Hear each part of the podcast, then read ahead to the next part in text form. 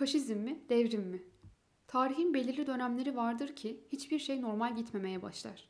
Kurulu düzen sarsılır, güçlü politik partilerin altı boşalır, toplumun hiçbir yanı dikiş tutmaz.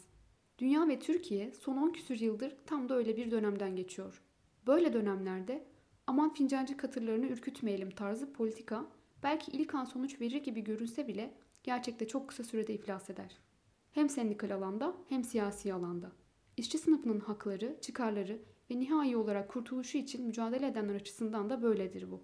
Dolayısıyla dönemin ihtiyaçlarına cevap verebilmek, sorunların cesurca üzerine gitmek, en zor dönemlerde ayakta kalmaya ve en büyük olanaklardan yararlanmaya hazır olmak gerekir.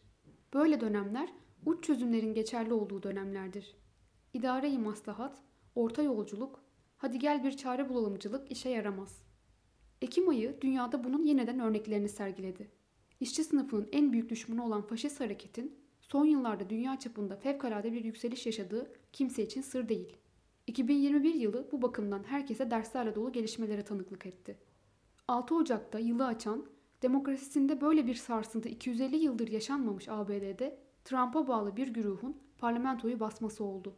Sonra 21 Nisan'da Türkiye'de değil Fransa'da bir askeri muhtıra geldi. 200 civarında subay, en başta generaller darbe yaparız, iç savaş çıkarırız, binlerce kişiyi öldürürüz diye muhtıra verdi. Eylül ayında Hindistan'da yıllardır azınlık Müslümanlara saldıran Hindu çoğunluğun faşist hükümeti bu sefer komünistlere saldırarak niyetlerinin işçi sınıfını ezmek olduğunu açık etti. Ama en önemlisi İtalya'da yaşandı. Gerçeği bu kadar açıklıkla ortaya koyan bir ülke örneği az görülür. Faşizmi 1920'li yıllarda dünyaya ilk tanıtan ülke olan İtalya'da en az 10 yıldır bu akım yeniden çok ciddi bir gelişme gösteriyor. Gerçek gazetesi her alanda olduğu gibi burada da gerçeği hep yazdı. Bugün kendini bir ölçüde gizlemeye çalışan türden iki faşist parti, kamuoyu yoklamalarında birlikte %40'tan fazla oyla ülkenin en büyük iki partisi görünüyor.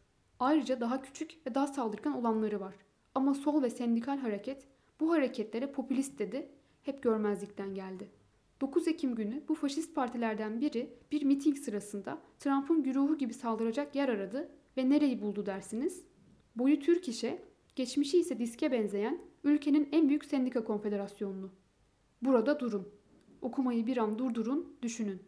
ABD'de parlamentoya saldırı, siyasi iktidarı ele geçirme çabası, Fransa'da darbe tehdidi, siyasi iktidarı ele alma tehdidi, Hindistan'da işçileri örgütleyen bir komünist partisine saldırı, işçiler var ama mesele yine de siyasi görünümlü. İtalya'da Sendika Konfederasyonu'na saldırı. Öteki örneklerin şifresini çözmekte ayak direyenlerin aklını başına toplaması gerekmiyor mu?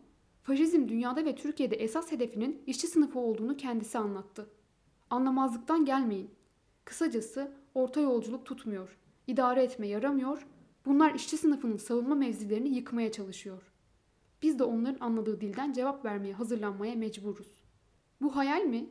Kardeşim, herkes kendi dar çıkarı peşinde. Kendi işine gücüne bakıyor. Kimsenin mücadele etmeye mecali yok mu diyeceksiniz. Gözlerinizi bu kez Afrika'ya, Sudan'a çevirmenizi öneririz. Ekim ayı sadece İtalya'da faşist saldırıyı getirmedi. Sudan'da 2018-2019 yıllarında bütün yoksullar ayağa kalktı, yeter dedi. Devrim dedi. 30 yıllık bir diktatörü yıktılar. Bu bile büyük işti. Ama onlar devam etmek istediler. Silahlı kuvvetler çıktı önlerine. Bir asker sivil ortaklığıyla devrimi durdurdu.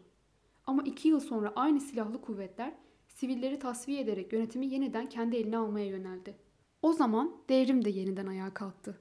Sudan halkı askeri diktatörlük ilanına karşı boyun eğmiyor, her gün sokakları inletiyor. Bir haftadır teslim olmadı.